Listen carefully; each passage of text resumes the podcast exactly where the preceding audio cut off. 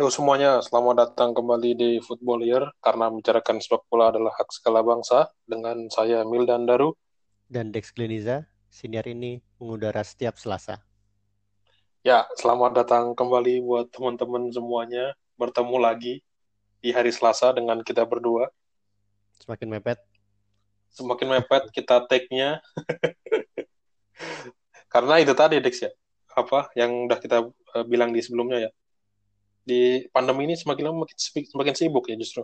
Iya, gue makin sibuk kerjaan, makin susah ngatur waktu gara-gara banyak distraksi juga justru di rumah ternyata. Jadi nggak fokus ya? Jam ah. Iya sih, apa eh terutama jamnya ya. Kal- Kalau sebelumnya tuh kan enak kita tuh ada jam kerja. Kayak lu masuk jam 9 pagi terus beres jam 4 jam 5 gitu pulang udah gitu. Dan gue selalu membedakan membedakan antara laptop kantor sama laptop pribadi gitu. Emang sengaja gitu nggak nggak dibawa pulang. Jadi Hmm. ketika ketinggalan terus malam-malam ada yang ada yang soal apa gitu, misalnya login sesuatu gitu, wah nggak bisa bro, Eh, laptop gue gue tinggal di kantor gitu, emang sengaja. Jadi ketika udah pulang, ya udah udah nggak ke- bahas kerjaan lagi gitu. Cuman kalau sekarang kan semuanya dibawa pulang ya, Iya. ya mau nggak mau lu standby terus itu jadinya gitu. Dan karena nggak ada di Langsung. Iya karena kalian itu juga jadi ya udah misalkan udah jam setengah empat nih. Kalau dulu kan ah aduh, harus harus diselesaikan nih biar nanti langsung pulang gitu. Bisa pulang Hmm. cepat gitu. Nggak, nggak, nggak nyampe lembur. Kalau sekarang misalkan setengah empat kadang nyantai tuh kayak ah nanti habis habis maghrib aja lah selalu gitu. Atau "Oh, nanti ini kayaknya malam-malam enak nih dikerjain malam-malam gitu. Ma- Makin molor makin molor gitu. Tapi Gitu masalahnya sih? kalau iya ya sama sih. Cuman misalnya kalau soal rekaman jangan larut-larut kita soalnya nanti berisik ke ini waktu sahur. Oh iya ya. Sahur, sahur gitu. Kalau di gue sih ada sih, nggak tahu di lo ada nggak? Di sini nggak ada Dex. Oh, nggak Eh, an- Nggak berisik ya? nggak nggak ada berisik kayak suara azan juga nggak kayaknya nggak nggak kedengeran deh kayaknya udah lama nggak kedengeran terlalu ini lingkungannya nih terlalu ke barat-baratan kayaknya karena emang bener karena Banyak bule ya? kalau sore sore iya kalau lo sore sore di, de- di depan ini bule-bule pada jogging tuh sambil bawa minuman gelek-gelek enak banget rasa seger gitu Godaannya semakin banyak, semakin besar tuh pahalanya insya Allah tuh. iya tapi gue juga nggak nggak ke mana-mana juga sebenarnya sih jadi harusnya nggak usah ngeliat jendela ya diem aja di dalam rumah tapi tema kali ini emang harusnya sih dibikin mepet Dex ya Kenapa? cocoknya emang datanya ini ya, yang teraktual ya. harus teraktual. Emang tadi kan kita pengennya kan kemarin ya eh, take-nya kan ini sebenarnya. Cuman pas waktu take nanti ketakutan gitu kayak ah nanti kalau tiba-tiba ada update baru lagi gimana ya? Karena perkembangannya itu seperti ya misalkan kalian udah tahu pasti lah ya ini bahas soal apa dari judulnya. Sangat ini fluktuatif gitu deh sih nggak sih? Eh, ada berita ini ada berita ini berita ini. Iya sih. Eh, kita kalau secara bahas umumnya kan kick-off-nya 16 Mei kan berarti akhir pekan ini ah, Bundesliga. Bundesliga jalan. Terus eh, langsung dibuka dengan partai seru tuh. Ada Revia Derby tuh. Borussia Dortmund lawan Schalke. Eh, Schalke. Terus bisa beruntungnya Indonesia ada ya. ya dengan Dortmund, dengan Dortmund. Itu langsung buat partai pembuka dan dia di- kalau nggak salah jam prime time dah, antara jam 8 atau jam 9. 20-30 kalau nggak salah. Ya ya, Ya maksudnya benar. jam prime time jadi ah, itu. Hmm. Dan apa Bundesliga ada hak siar di Indonesia, ada di di Mola TV. Hmm. Kita promoin tuh Mola tuh, jangan lupa. Di ya di Mola TV. Super Soccer apa Mola sih? Sama aja ya? eh tidak bisa dijelaskan di sini, tapi Di Fox Sports juga ada kan? kalian bisa bisa nontonnya di aplikasi Mola gitu. Yang nyari Super Soccer, tapi kalian nontonnya di aplikasi Mola. Hmm. Di dalamnya nggak bisa di nggak bisa dikasih tahu di dalamnya. Bukan untuk konsumsi publik, oh, ada lah. Nanti kalau offline aja gue ceritain. Nah, eh, yang kita seperti kita bilang tadi kan, kita takut waktu tag ini takut tuh karena modelnya fluktuatif gitu. Hmm. Kayak di Jerman kan kasus masih ada tuh Dex, kasus. Hmm. Eh, kan bahkan eh, bukan bukan negara yang bebas benar-benar bebas gitu tapi kenapa mereka bisa dengan percaya diri memulai kembali liganya gitu. Apa yang terjadi di Jerman next? Kalau dilihat dari jumlah kasus COVID-19 sih, ini dari data World Ometers ya. Sebenarnya ada 170 ribu kasus dengan yang meninggal tuh 7.500. Ra- tapi rasio kematian di Jerman nih salah satu yang terendah ternyata Mil. Soalnya nah dibilang fasilitas kesehatan di Jerman tuh salah satu yang terbaik di dunia. Di sinilah mungkin kenapa mereka bisa percaya diri ya. Ya udahlah, kita sebagai yang salah satu yang terbaik coba bikin benchmark lah buat kompetisi-kompetisi sepak bola bisa jalan apa enggak gitu sambil dimonitor juga. Dan sepekan sebelum kick off ada kabar yang dari tim Bundesliga 2 tuh eh, Dinamo Dresden ya, Dinamo Dresden itu satu tim harus diisolasi tuh karena ada dua pemainnya yang positif tuh. Hmm. Nah, berarti kan baru seminggunya tuh ya. Anjir gue pas ngeliatnya tuh, wah ini akan ditunda lagi. Ternyata masih jalan terus ya. Ternyata karena Iya. mereka punya protokol yang ketat untuk itu ya. Bahkan yang ditakutin orang kan kalau gimana kalau ada yang positif terus nularin sebagainya. Ternyata Hmm. itu tuh juga masuk dalam bagian protokolnya itu gitu. Udah dipikirin emang mereka tuh siap untuk jika nanti terjadi ada yang positif gitu. Nanti Hmm. jelasnya belakangan lah ya paling ya. Di tentang protokol itu. Nah, tapi secara umum dulu deh, secara umum Dex gimana? Tadi kan lu bilang ada 170 ribu kasus tuh. Ah. Nah, terus Kalau dilakukan mereka gitu. kalau lihat kurvanya sih sebenarnya belum landai-landai amat ya. Jadi harusnya sih harus har- harusnya nunggu nunggu dulu nunggu mungkin satu minggu dua minggu lagi. Cuman mereka mau ngambil risiko soalnya eh, Jerman itu salah satu negara yang gencar tes massal. Ini kalau dari data per pekan ya sekitar 964 ribu tes per pekan. Jadi kalau dirata-ratain per hari itu sekitar 137 ribu lah. Ini kalau kita Hmm. bandingin sama apa ya Korea Selatan lah ya, yang juga Iya. udah mulai eh, Liga sepak bolanya Korea Selatan 15 ribu tes per Wow. hari Oh, per hari. per hari. Tapi tetap Indonesia aja jauh banget ya rasionya ya. Bisa sampai jauh banget. 10 kali lipat ya. Hmm. Nah, Indonesia berapa sih? Indonesia 5.000. kemarin tuh 10 ribu pun ditarget Dex sama Presiden. Jadi kayak target kita adalah 10 ribu per hari gitu. Dan itu belum berhasil sih. Baru 4 ribu sampai 6 ribu per hari lah. Kemampuan. belum di Gue juga belum sih. Cuman kita di- dari perbandingannya tuh yang di Jerman bisa 130 ribu per hari. Kita sampai 10 ribu aja belum belum berhasil gitu. Hmm, nah di Jerman juga balik lagi mereka angka reproduction rate-nya juga turun ke 0,65 nih maksudnya tuh jadi rata-rata 100 orang eh, menginfeksi 65 orang. Kalau dari Jerman gitu. Makanya CEO Bundesliga Christian Seifert bilang kalau kompetisi dihentikan ini akan semakin rugi nih eh, kesebelasan-kesebelasan di Liga Jerman. Katanya kerugiannya bisa mencapai 750 juta euro. Kalau dirupiahin itu 12 triliun. Makanya mereka pengen menggelar kembali Liga Jerman. Katanya untuk membela hak siar televisi walau pertandingan tetap tanpa penonton gitu. Dan kalau urusan duit-duit kan emang Jerman kan termasuk yang paling ketat. Hmm. Dan klub-klubnya kan sangat-sangat menghindari utang bahkan gitu. Dan soal investasi, investasi, investor yang masuk segala macam juga mereka kan sangat-sangat ketat kan termasuk di aturan yang 50% plus satu itu kan Dex. Yang Iya. di mana ya mayoritas. kepemilikan eh, harus eh, mayoritas harus dimiliki oleh fans gitu. Jadi bukan 51% tapi 50% plus satu gitu. Ada satu suara. plus satu suara gitu. Jadi tetap Hmm. mau mau mau gimana pun keadaannya si fansnya tetap mendominasi eh, kepemilikan klubnya gitu. Jadi akhirnya masih ter, terhindari lah dari yang model-model apa duit-duit mendadak gitu, duit minyak segala macam. Benar, sugar daddy. Itu juga soalnya Ke- Kerugian segitu tuh gede nggak Dex? Maksudnya efeknya apakah itu bakal terasa gitu dibandingkan dengan pendapatan umumnya ya? kalau dilihat dari misalkan kalau lihat dari tanpa penonton doang ya, Mhm. totalnya kerugiannya katanya diprediksi mencapai 100 juta euro.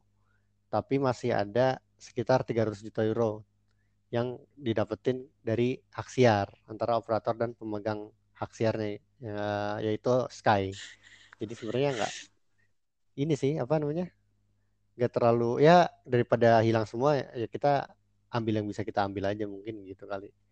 Di Jerman. Terus juga mereka juga menghindari kasus yang terjadi di Prancis dan Belanda. Kan kalau di Prancis dan Belanda kan liga kan dihentikan tuh. Ya, di stop. pasti ada yang nggak suka kan dengan hasilnya. Kok nggak ada juaranya sih? Kok kayak siapa tuh?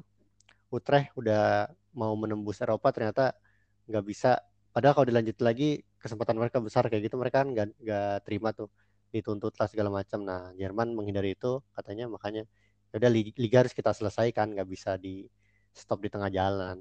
Kalau Dan- diselesaikan ya udah nggak nggak akan ada yang nuntut gitu. Kita kan udah mainin semua pertandingan Dan beberapa kesepakatan antara penyelenggara liga sama Haksiar itu ada den- denda juga. Ketika liga dianggap eh, gagal, eh, operator liga dianggap gagal menyelenggarakan kompetisi sehingga Haksiarnya rugi, itu ada penalti juga kan yang harus dibayarkan segala macam dengan kesepakatannya.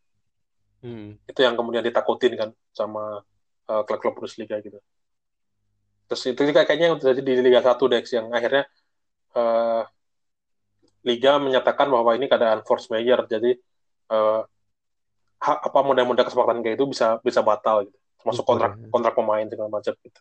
Yang nggak bencana, emang bencana sih ya ya saya harus ada itunya gitu. Tapi kan lawan kan bisa jadi kan kalau yang apa melibatkan uang ratusan juta euro kayak gitu tuh suka-suka ajaib nggak sih kasus-kasusnya itu. Jadi padahal udah ada kesepakatannya tuh kalau ada bencana gini-gini eh, dibatalkan ya gitu. Tapi ada aja celah-celahnya itu nggak sih? iya Terlalu jago lah lawyer-lawyer lawyer-lawyer nyari di loophole dunia itu.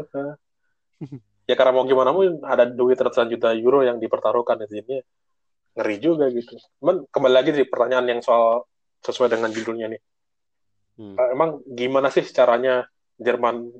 Tadi kan udah nih eh, eh, kesehatan, fasilitas kesehatan memadai, terus eh, tes massal juga banyak gitu. Cuman secara spesifiknya nih, gimana caranya ada pemain ada 11 lawan 11 ditambah wasit, tambah official, tambah orang-orang segala macam dalam satu lapangan yang sama beradu keringat, beradu fisik, tapi tetap dibolehkan gitu. Apa saja yang apa sih istilahnya protokol ya? Iya, protokolnya ada banyak sih. Ada DFL nyiapin 51 halaman. Ini mereka nggak, gua pas baca ini nggak nggak baca spesifik 51 halaman apa sih, A4 kah atau A0 kah? A4 gitu. Kita anggap aja A4 gitu. 51 halaman tuh banyak banget sih. Memang setelah gua lihat protokolnya juga, ini gue lihat dari Score ID kebanyakan ya. Sumbernya dari situ. Banyak banget sih. ya Jadi- kita kita bedah lah, kita bedah yang dari core-nya dulu lah, dari core-nya dulu deh. Apa? Yang pertama tuh DFL itu pihak Liga Jerman ngebuat panduan detail jaga jarak sosial, social distancing.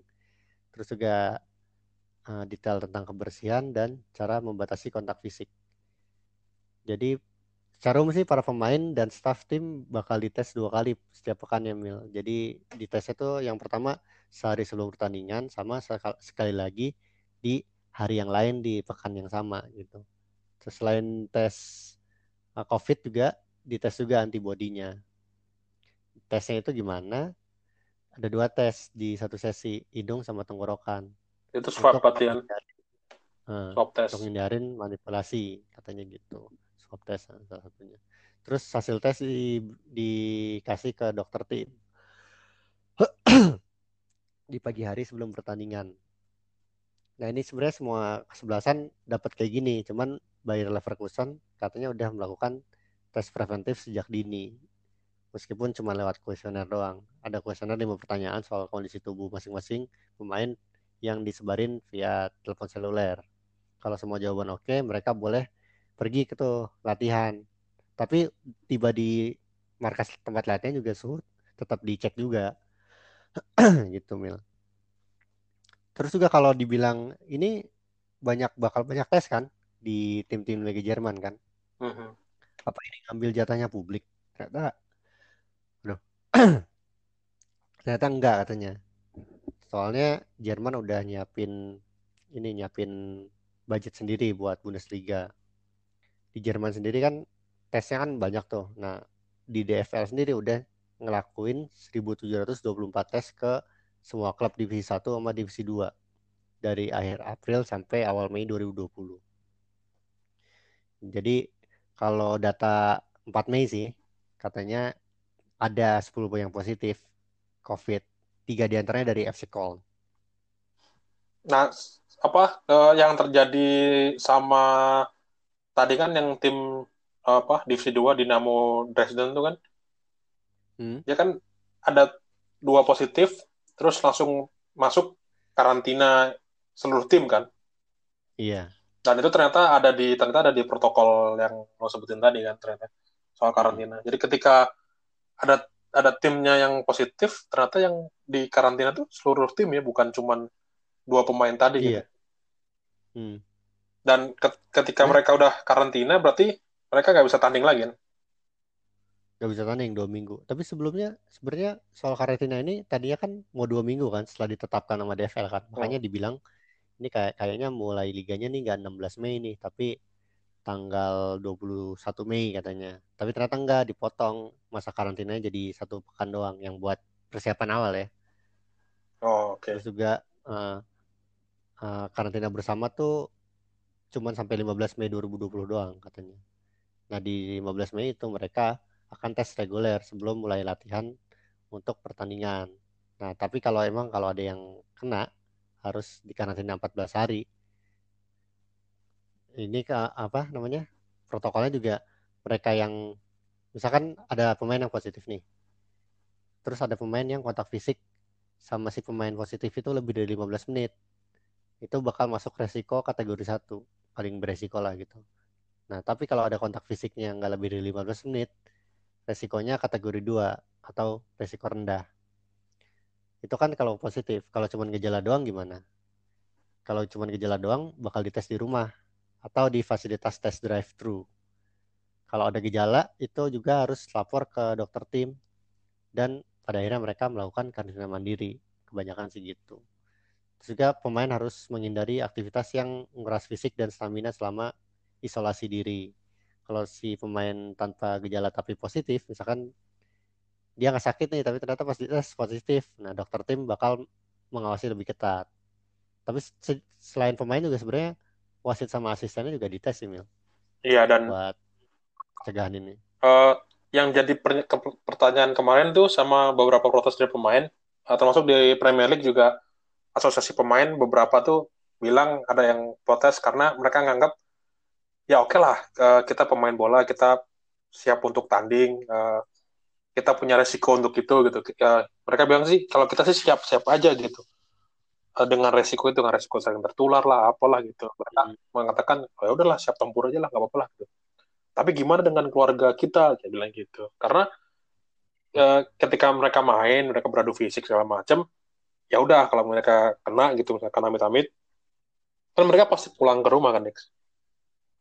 iya Nah itu kan ya yang jadi persoalan keduanya tuh. Jadi nggak sebenarnya kalau liga sepak bola tetap terus jalan, ya pemain oke lah di, di, di, di diawasi dengan sangat ketat tadi yang lo bilang tadi protokolnya. Tapi gimana ketika mereka kemudian sampai ke rumah, ketemu istri, ketemu anak, sebagainya gitu.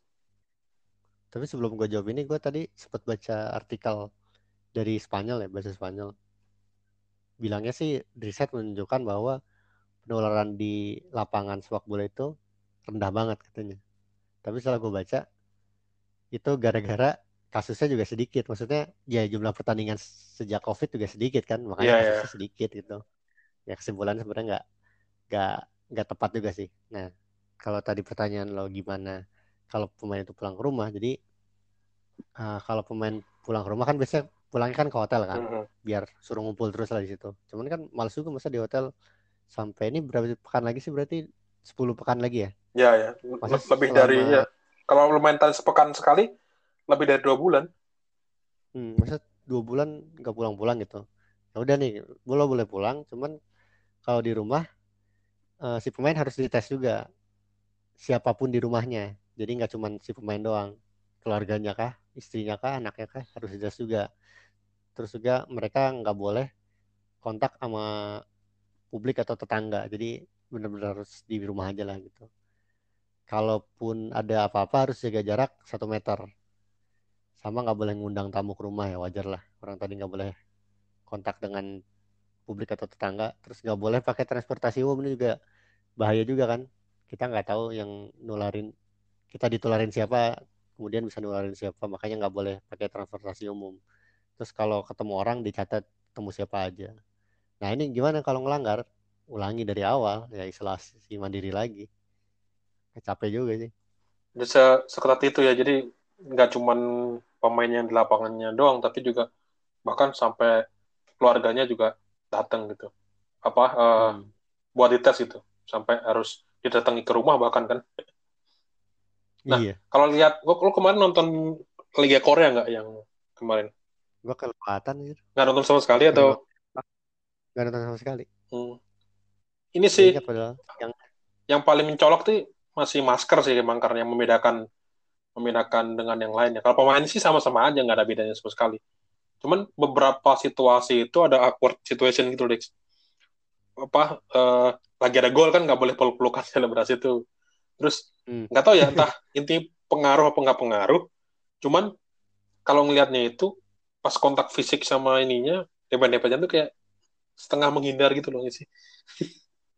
Jadi nggak Oh, nggak iya. nggak seintens nggak tahu ya ini apa apakah ini karena gua kena efek eh, harus apa eh, harus physical distancing selama dua bulan lebih jadinya tersugesti tapi atau emang beneran kayak gitu gitu. Tapi di Korean League jadi di, di Korean League juga nge-share juga tuh tadi gue lihat di Instagramnya. Jadi ada pemain jatuh tuh. Eh, Hmm. terus di, di dapat peringatan dari wasit gitu-gitulah. Terus pemainnya minta tolong wasit buat ngangkat dia buat bangun. Kan dia lagi duduk tuh. Biasa kan kalau lagi duduk lo Hmm. minta tolong orang sebelahnya buat ngangkat. Nah pemainnya itu minta tolong wasit buat ngangkatin dia nolong buat dia bangun gitu. Wasitnya nolak. Hmm. no no no no no no. Dia kayak bilang no no no no gitu. Oh iya terus saya ketawa oh iya baru inget nggak boleh ini ya nggak boleh nyentuh tangan ya gitu terus sama di awal-awal pemain masuk juga dia di, dibatasin jarak tuh. Nggak nggak ada salaman nggak ada nggak ada apa namanya Hmm. ketemu udah hadapan depan gitu. Terus apa tim medis waktu cedera tim medis pakai masker. Mau pakai masker. Terus eh, tim staff pelatih juga semuanya harus pakai masker. Mulai dari pelatih iya. utama sampai asisten segala macam harus pakai masker. Dan kayak banyak yang badel kayaknya karena pengap deh kayaknya ya. Terlalu tegang terus terlalu teriak-teriak. Banyak yang Gak enak sih emang pakai masker tuh. banyak yang ini eh, rongga nafas apa jalan nafas mereka tuh pindah ke dagu nggak lo? Oh iya. jadi Marx Tapi emang gak sih. Iya. maskernya diturunin banyak yang masker diturunin wah ketahuan ke, ke CCTV nggak tahu itu ada apakah akan diperingatkan atau gimana cuman Kalau di Jerman Hmm. sih ma- masih ada ini kan masih ya. ada masa di dalamnya itu bukan bukan cuma 11 dan official kan masih banyak orang-orang yang terlibat di dalamnya Banyak banget. kemarin sih ada- di Korea League masih ada itu lah kalau di Liga Jerman gimana kalau di yang 51 halaman itu ya ditulisnya sih setiap pertandingan maksimal ya spesifik, banget angkanya. Maksimal cuma 322 orang. cuma ya itu ya padahal tiga resort dua orang itu cuma ya tanda kutip ya cumanya ya Nah, itu banyak banyak loh 322. Ini dibagi ke tiga zona. Ada area lapangan, tribun, sama luar stadion. Yang area lapangan nih paling sedikit. 98. 98 dikit ya. anjir padahal kirain kayak Itu- 11 sama 11 doang ternyata enggak ya Enggak. Jadi ya 11 lawan 11 kan 22 kan. iya Terus ada fotografer yang boleh tuh cuma tiga, anak gawang cuma empat, petugas keamanan cuma empat, ofisial ada lima, teknisi VAR ada 15 banyak banget sih teknisi VAR. Terus staf sterilisasi ada tiga, staf medis ada empat, 18 pemain cadangan, sama 20 staf pelatih. Itu totalnya 98 tuh. Nah kemarin tuh ada wacana, sempat ada wacana di Premier League untuk eh, ngilangin VAR. Hmm. Karena ini kan Iya. kalau di sini kan ada 15 teknisi tuh. Dan yang ditakutkan di Premier League adalah ruang VAR itu kan sempit ya, kecil ya. Hmm. Jadi rawan di situ, rawan terjadi penularan apa segala macam. Dan kalau nanti misalkan diganti ke yang lebih lebar, kayak misalkan eh, pakai video call gitu, semuanya video call, Hmm. teknisinya apa, teknisi VAR-nya sama wasit VAR-nya gitu. Ditakutkan akan terjadi delay yang lebih lama lagi. langsung aja di tribun apa? Taruh di situ semua. Ya cuman kan, ya, tapi itu kan teriak-teriak atau gimana kan jadi nggak lucu juga. C- Kalau yang sekarang kan Hmm. wasit VAR-nya itu kan dia berdiskusi kan sambil mereka semuanya ada ada ada lebih dari satu orang kan dalam satu ruangan dan mereka berdiskusi apakah ini pelanggaran atau enggak gitu. Itu kan yang membuat VAR Iya. jadi lebih cepat kan kalau dia cuma satu orang akhirnya jadi itu. Tapi berarti confirm kalau ini Bundesliga masih pakai VAR ya? Masih pakai Masih VAR. pakai VAR. Terus apa lagi selain zona lapangan? VAR ini banyak juga sih. Di zona tribun juga ada VAR juga, ada staff VAR juga. Hmm. Jadi di zona tribun totalnya 115 orang yang maksimalnya. Petugas VAR-nya ada 19. Tapi ini di sini tulisannya sih staff VAR atau teknisi TV. Jadi mungkin bisa merangkap atau gimana. Oh, gitu. yang bagian kameramen juga ya? Berarti. Nah ini dari dari 115 orang ini tadi 19 petugas VAR dan TV, 10 petugas keamanan, 4, 4 medis, 7 ada kayak perwakilan Liga Jerman gitulah, kayak pengawas gitu. Terus dua petugas anti doping, 5 operator stadion, 8 staf kesebelasan, 4 delegasi tim tamu, 5 petugas sterilisasi lagi-lagi ada di sini. Sama 2 damkar, 4 polisi, 10 jurnalis, 23 kru dan 4 analis analis saja ada. Banyak juga ya ternyata satu pertandingan tuh orang yang dilibatkan. Dan ini di, di, dibatasin kan ini kan? Hmm. Ya tadi kayak tadi eh, apa namanya? Fotografer lapangan cuma tiga ya aslinya banyak banget sih. Iya. Terus apa lagi apa lagi? Kalau di tribun sih itu doang sih. Hmm. Sisanya di luar stadion. Di luar stadion 109 orang. Itu 50 50 petugas keamanan, 14 kru TV, sama lagi-lagi VAR nih. 37 teknisi VAR atau TV plus 8 staf stadion. Nah, ini yang apa Liga Jerman tegas nih soal di luar stadion nih. Kan emang fix Hmm. nggak boleh pakai penonton kan? Jadi Nggak boleh. boleh pakai penonton. Dan selain nggak boleh pakai penonton, eh, supporter nggak boleh datang ke areal sekitar stadion. Kalau lo sampai Hmm. berani apa eh, supporternya nekat gitu datang ke areal stadion, bahkan hukumannya bisa sampai diskualifikasi. Tegas banget mereka tuh soal ini. Tim yang datang dianggap kalah. Iya, udah kalah. Tim eh, tim yang datang. Tim yang supporternya datang dianggap kalah. Tadi ngomong soal jumlah tadi kan eh 322 orang yang terlibat dalam satu pertandingan itu dianggapnya kan cuma ya. Berarti kan ini kan menunjukkan fakta baru lagi nih, Dex, yang banyak mungkin banyak orang juga yang nggak tahu ya soal berapa orang sih yang terlibat dalam satu pertandingan gitu. Kalau ini dianggapnya adalah Iya. dibatasin 322 orang dibatasin, berarti kalau nggak dibatasin jumlahnya gila-gilaan ya. Iya, penonton minimal. Tapi ini bukan Bukan penonton ya, ya. Panitia lah, panpel.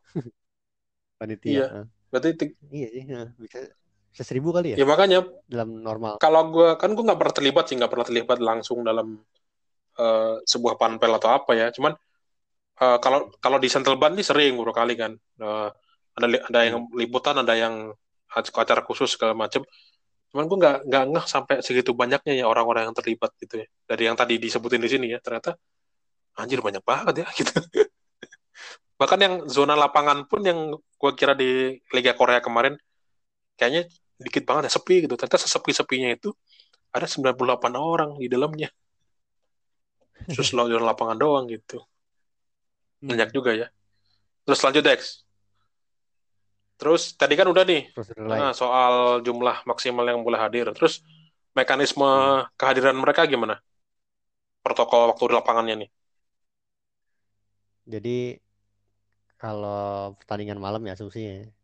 Dari pagi tuh petugas stadion atau lapangan tuh udah mulai ngurusin lapangan. Agak siangin dikit petugas TV dan VAR mulai setting-setting. Siangan lagi polisi, paramedik, damkar datang tuh. Mulai jagain.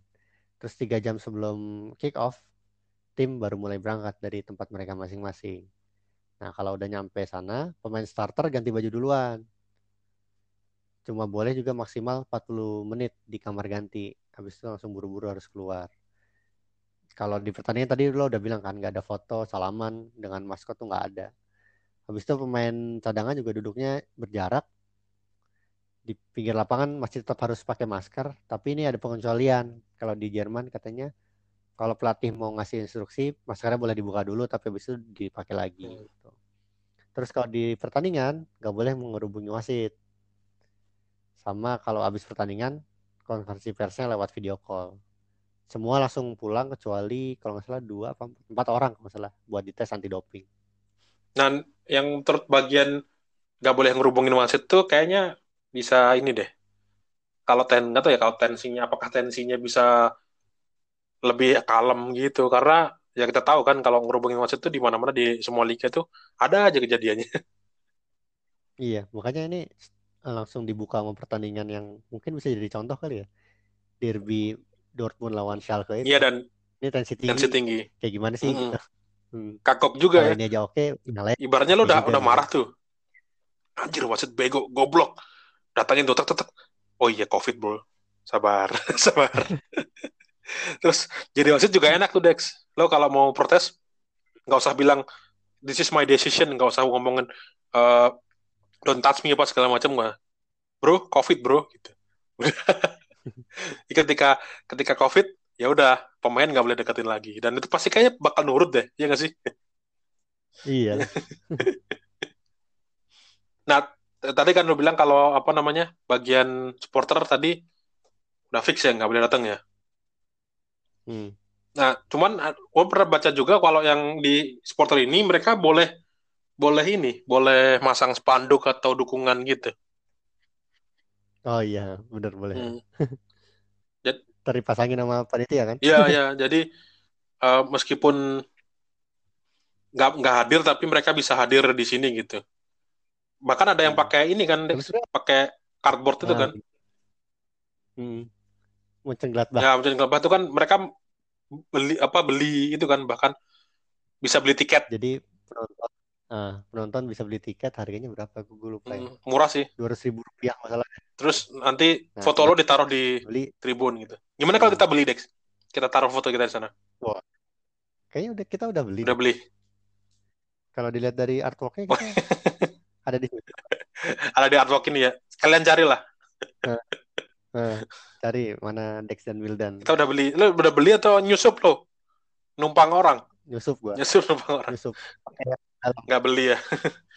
Nah, cuman du- dulu tuh zaman-zaman awal-awal gue punya komputer tuh atau zaman gua internet ya lupa.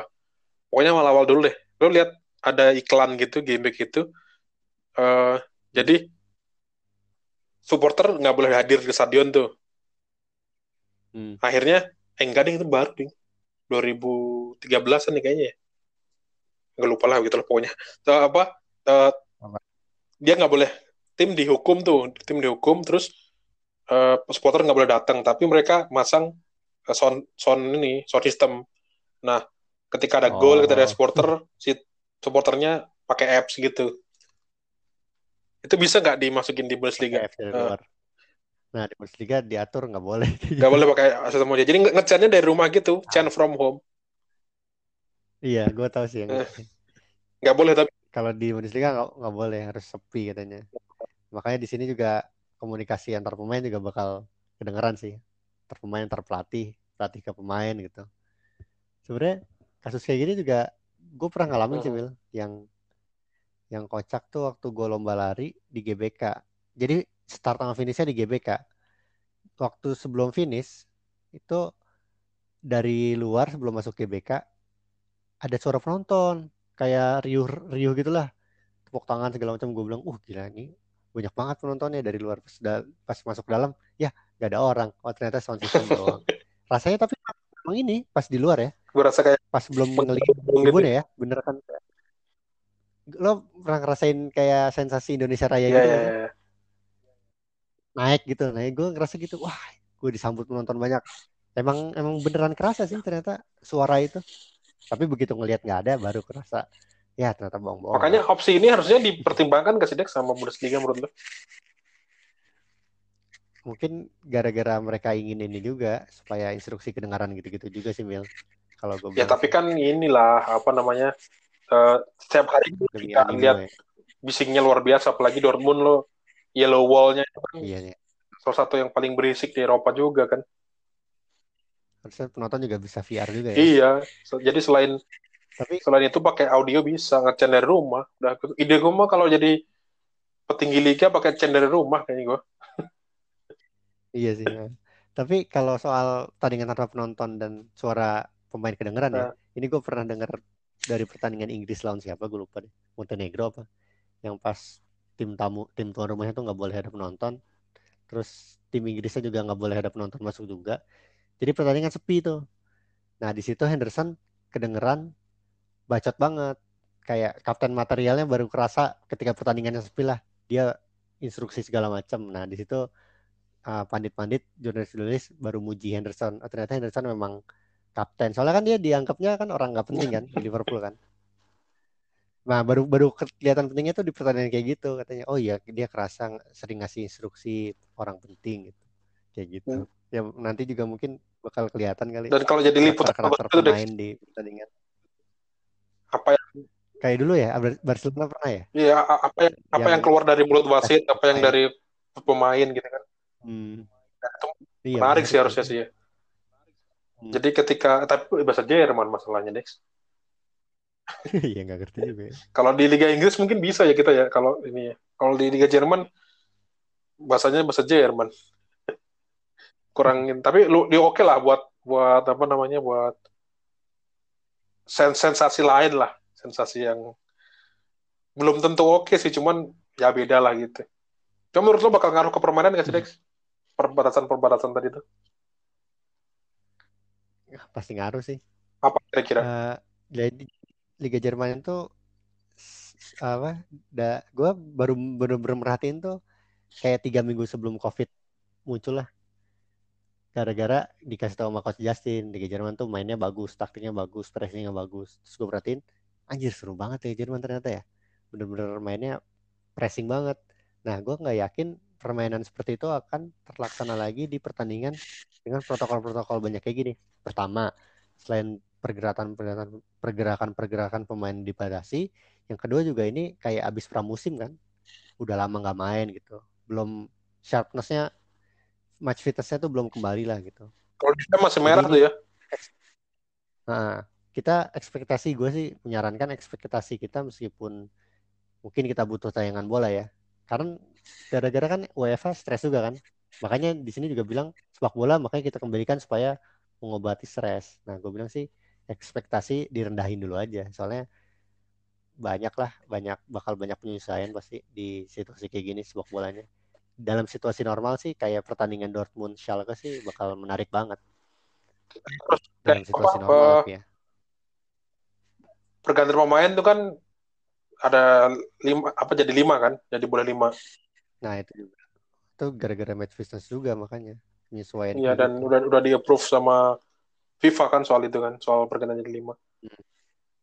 Menurut lo gimana tuh? Ngaruh ngaruh banget sih Dex ngaruh dari game changes lah jelas lah. Itu tuh eh, kalau kalau kan sempat juga kan eh, penambahan pergantian pemain musim lalu kan ada di extra time kan extra time lo boleh masukin tambahan satu. Nah itu kayaknya nggak game, nggak game changers banget sih karena ya biasa aja gitu. Tapi kalau dalam 90 menit boleh lima pemain sih wah ini jadi jadi pembeda banget sih. Terutama buat tim-tim gede yang apa Nah, iya. punya kedalaman squad yang tinggi oh itu udah ngeri banget Tapi kita ngingetin lagi ya, lima pergantian cuma boleh dilakukan di tiga oh iya doang ya. tiga tiga jadi tetap tetap tidak akan membuang-buang waktu lah harusnya ya. Hmm. tapi kalau liga-liga lain meniru liga Jerman ini menurut lo memungkinkan nggak dengan protokol seketat itu Ah, tergantung liganya. Kalau Indonesia gue nggak yakin. Terlalu banyak yang harus di checklist gitu kayak. Udahlah kita formalitas aja lah. Yang ini udah, ini udah, ini udah. Eh, Jerman menurut gue bisa sih. Dengan lihat tingkat edukasinya juga. Amerika gue nggak yakin bisa. Ternyata gue lihat Amerika masyarakatnya banyak yang dalam tanda kutip ya. Bego-bego ya.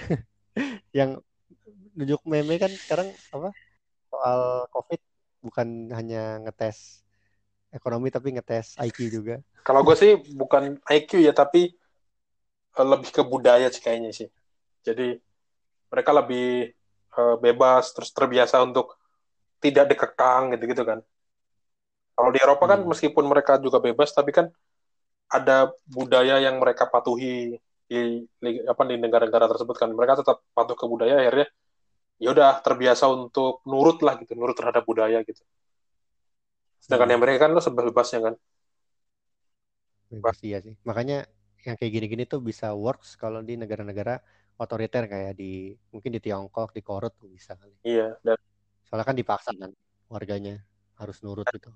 Kalau kita kan demokrasi Indonesia kurva kan. di Indonesia kan Iya. juga belum turun tuh Dex kurvanya Dex. Ya kemarin Mac di Sarinanya rame banget. Dan nggak tahu ya kalau ini agak unpopular opinion mungkin, tapi kayaknya Liga Indonesia menurut lo sebaiknya di tetap menunggu atau harus dihentikan sampai di sini? Nunggu masih awal-awal soalnya. Masih tiga pertandingan nunggu aja. Kalau emang baru bisa mulai September September, kalau bi- baru bisa mulai Februari tahun depan ya udah lanjutin aja. Ma- Masih tiga pertandingan nggak nggak inilah, nggak terlalu nggak terlalu ngaruh lah. Yang harusnya mungkin juga sih. Pemain masih asing ya, Dex? Awal-awal. pemain asing. Apa? Jadi kan mereka Soal untuk liga lain kan udah jalan tuh mereka punya kesempatan untuk pindah ke liga lain kan. iya sih, bener juga. ya. Jadi agak pusing emang. pusing. Dan apakah kemudian apa meskipun baru itu eh, registrasi pemain apakah bisa dibuka lagi atau sebagainya kan? Waduh, pusing banget. Ini sebenarnya kalau kalau lihat Asia Tenggara menurut gua Vietnam bisa sih. Gara-gara pemerintahnya juga agak otoriter kan. Sama kalau lihat lokalisasi, kayaknya Singapura bisa deh. Kalau Indonesia tuh terlalu luas kan soalnya kan. Hmm. Lo kalau mau main dari taruhlah dari Bandung ke Makassar aja gitu. Itu jauh kan. Ya kalau kalau di Liga Singapura kan ya udahlah, kita main di satu tempat aja juga bisa nggak apa-apa, santai aja gitu. Iya. Atau menurut lo kita manfaatkan aja tuh Stadion PON tuh yang nggak kepake juga. Udah suruh main di situ aja. Pakai netral venue ya, sama kayak Premier League ya. Iya. Itu sih bisa kalau sisa sedikit eh, liganya dan ibaratnya ya udah lo lo main tiga hari sekali tapi dalam satu ya kayak lo main lagi main pon atau main, lagi main lagi main pon kan gitu Hmm, kan? bener. Eh, atlet ada di Piala Dunia. Ada di aja wisma atlet kan. Terus nanti Hmm. datang ke eh, stadion tanding. Terus pulang lagi ke mes. Ya bukan mes sorry ke wismanya wisma atletnya.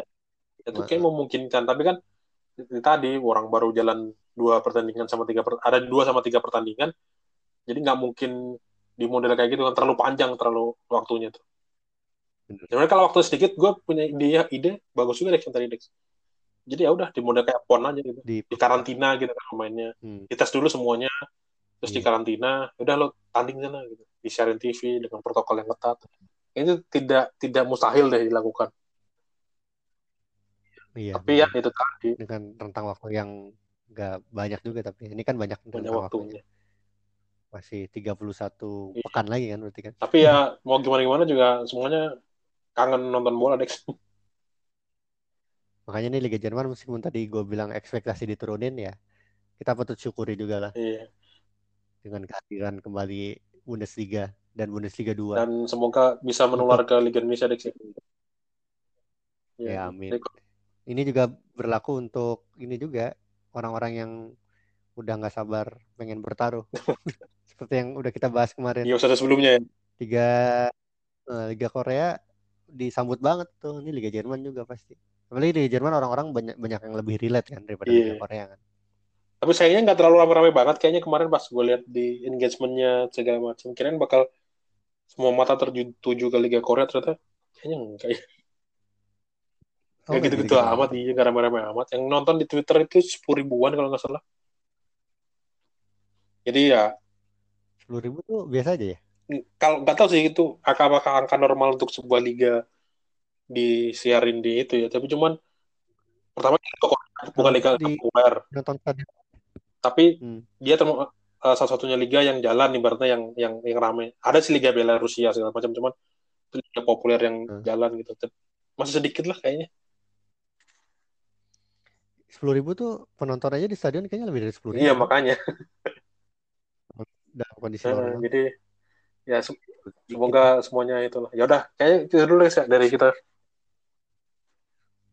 Ya cukup untuk episode update episode ini. update Selamat menikmati kembali terutama Bundesliga. ya. marhaban ya bal-balan Semoga lancar sih supaya ada tontonan setiap pekan. iya iya dan itu tadi di Indonesia kurvanya segera turun biar Liga 1 juga segera bisa bergulir ya udah Amin. sekian dari kita berdua saya Mildan Daru dan teman saya Dex Glenn Dex jangan lupa juga follow Spotify kami jadi eh, kalau kalian dengerin, kalian ada tombol follow di situ di profilnya, kalian pencet follow-nya aja. Nanti ketika ada episode, episode baru, nanti bisa muncul langsung di home. Nggak perlu ngubek-ngubek di sosial media. Tapi kalau kalian pengen ada update lain soal sepak bola juga bisa cek di mana Dex, ngeceknya Dex. At Footballer ID di medsos. Ada apa di sana? Twitter dan Instagram. Di sana kita Ramadan ini ada kampanye khusus nih yang belum juga dapat sponsor. Kenapa Mil belum dapat? Karena karena ini ya ya kalian inilah. Lo lo tanya kan kenapa? Nah, sekarang gue balikin ke teman-teman Hmm. yang dengerin ini lah.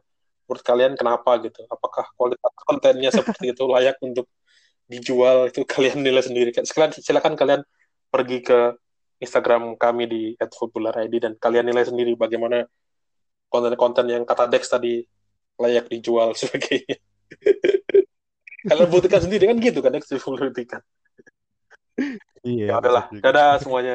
Ini adalah suara pandit komputer. Terima kasih telah mendengarkan. Jangan lupa share ke teman-teman kalian.